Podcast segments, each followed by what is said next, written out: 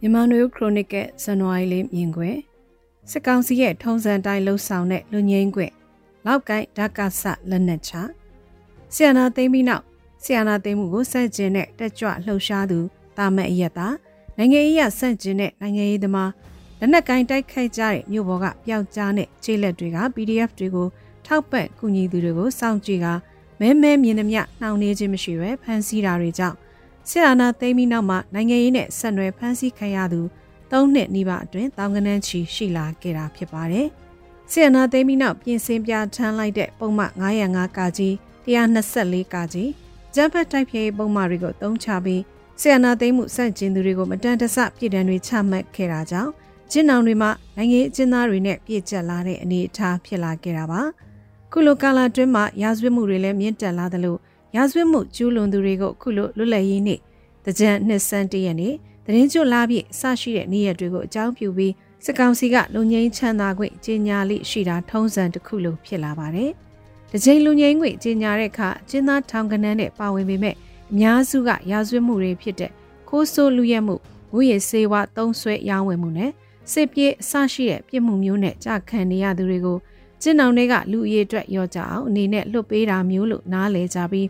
နိုင်ငံရေးချင်းသားတွေကပြရုပ်သဘောမျိုးသာထည့်သွင်းလွတ်ပေးကြတဲ့အနေအထားမျိုးဖြစ်ပါတယ်။ခုနှစ်လွတ်လပ်ရေးနှစ်လူငင်းချမ်းသာခွင့်ပေးရမှာလဲအကျဉ်းသားအရေးအတွက်အားဖြင့်9600ကျော်ကိုလူငင်းခွင့်ပေးတယ်လို့ကြေညာပေမဲ့နိုင်ငံရေးနဲ့ဆက်နွယ်သူအရေးအတွက်ကအနည်းအကျဉ်းသာပါရှိတဲ့သဘောလို့ဇန်နဝါရီလရက်နေ့မှာထွက်ပေါ်လာတဲ့သတင်းတွေအရသိရပါတယ်။မန္တလေးမြို့မှာ NLD အစိုးရလက်ထက်ကမြို့တော်ဝင်အဖြစ်တာဝန်ယူခဲ့သူ ဒေါက်တာရဲလွင်နဲ့မန္တလေးမြို့တော်စီပင်သားယာရေးကော်မတီဝင်တအုံလွတ်မြောက်လာတယ်လို့သတင်းတွေထဲပါရှိပါတယ်။သတင်းသမားတွေအထဲကတော့2021ခုနှစ်ကြည်မြနိုင်ပန်းမင်ကြီးလန်ဆန္ဒပြမှုမှာစစ်ကားနဲ့တိုက်ပြီးဖမ်းဆီးခံရတဲ့သူတွေတဲကသတင်းတပ်ပုံသမားတအုပ်လွတ်မြောက်တဲ့အထက်ပါဝင်လာတာသတင်းတွေထဲတွေ့ရပါတယ်။အခြားသောပုံမှ905ကာကြီးနဲ့ပြည်တန်းချထားခြင်းခံရပြီးအကျဉ်းအောင်တဲ့ကာလတစ်ခုထိရှိနေသူတွေပါဝင်တယ်လို့သတင်းတွေမှာဖော်ပြထားကြပါတယ်။ အာနာသိစစ်ကောင်စီဟာစီးရဲနီလန်းနဲ့စန့်ကျင်သူတွေတွေမဟုတ်ဘဲနိုင်ငံရေးရသဘောထားကွဲလွဲမှုဆီယနာသိမ်းမှုကိုစန့်ကျင်ကြောင်းလူသူရှင်ကြားဖော်ထုတ်သူတိုင်းကိုပုံမှ905ကာကြီးလိုရေဘူးရဖွင့်ဆိုချက်တွေနဲ့ဖွင့်ဆိုထားတဲ့ပုံမှစစ်ကောင်စီထိန်ချုပ်ထားတဲ့တရားရုံးတွေကိုအသုံးပြုပြီးပြည်ထန်ချမဲ့ခါခုလိုကာလမှာအဲ့ဒီဖမ်းဆီးထားသူတွေတဲကပမာဏအနေငယ်ကိုလွှတ်ပေးဖို့ပြင်ဆင်ထားတဲ့သဘောမျိုးလိုသာကောက်ချက်ချရမယ့်သဘောဖြစ်ပါတယ်။ညတမှုမရှိတဲ့ဥပဒေ လွတ်လပ်မှုမရှိတဲ့တရားစီရင်စနစ်အောက်ကနိုင်ငံရေးရတလွဲအသုံးချခံနေရတဲ့တရားရုံးနဲ့အကျဉ်းထောင်တွေမှာစစ်ကောင်စီနဲ့သဘောထားကွဲလွဲယုံများနဲ့ဖမ်းဆီးထိန်းသိမ်းခံရသူထောင်တောင်းချီရှိနေပြီးတစားကန်တစ်ဖွဲ့အသုံးချခံရတဲ့သဘောလိုသာမှတ်ချက်ပြုရမှာဖြစ်ပါတယ်။ဒီနေ့ဖို့နောက်ထပ်အကြောင်းအရာတစ်ခုကတော့ MNDA ကဝန်ရံပိတ်ဆို့ထားတဲ့လောက်ကိုင်းမြို့အနီးကဒေသကုတ်ကဲမှုစစ်ဌာနချုပ်ဓာတ်ကဆာက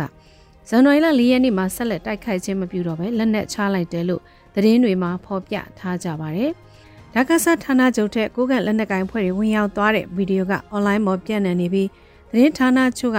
ဓာကဆလက်နက်ချလိုက်တဲ့သတင်းကိုဖော်ပြကြပြီးကိုကန့်တပ်ဖွဲ့နဲ့စစ်ကောင်စီကြားအခုဓာကဆဌာနချုပ်ကိစ္စကိုဆွေးနွေးပြီးပေါ်ထွက်လာတဲ့သဘောမျိုးနဲ့ရေးသားမှုတွေရှိနေတာဖြစ်ပေမဲ့အတိမပြုနိုင်တဲ့သတင်းအချက်လက်တွေဖြစ်ပါတယ်။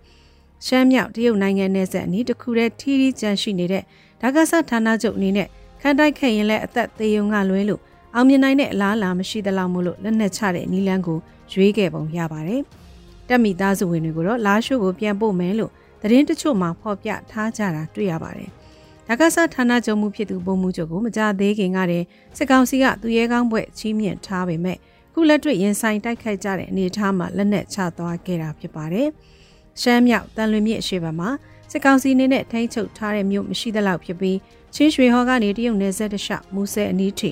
နောက်တစ်ဖက်နမ်ခန်းထိမြောက်ပိုင်းညီနောင်လက်နက်ကင်သုံးဘွဲကထိန်းချုပ်ထားပြီးဖြစ်ပါတယ်။နေဆက်ကုံသွဲရေးစခန်းတွေဖြစ်တဲ့ချင်းရွှေဟော်ကိုကိုကန်ဖွဲကတည်ယူထားပြီးမူဆယ်ကိုတော့တည်ယူနိုင်ခြင်းမရှိသေးတော့လဲ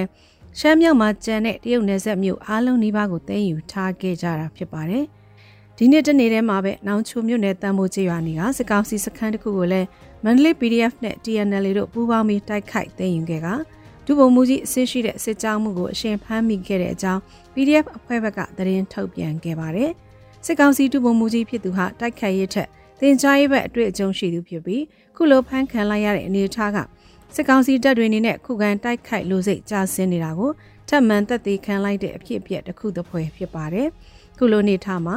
NUG ကာဝေးဝန်ကြီးဌာနကစစ်ကောင်စီတပ်မှုတပ်သားများတို့သတိပေးချက်ဆိုတဲ့ထုတ်ပြန်ချက်ကိုဇန်နဝါရီ၄ရက်နေ့နေ့စွဲနဲ့ထုတ်ပြန်လိုက်ပါတယ်။စစ်ကောင်စီကိုဆက်လက်သစ္စာမခံပဲဗတ်ပြောင်းချဖို့နှိုးဆော်လိုက်တဲ့ထုတ်ပြန်ချက်ဖြစ်ပြီးစစ်ကောင်စီဘက်ကနောက်ထပ်ဘလောက်ကူးပြောင်းလာကြမလဲဆိုတာတော့စောင့်ကြည့်ရအောင်မဲ့အနေအထားလည်းဖြစ်ပါတယ်ရှင်။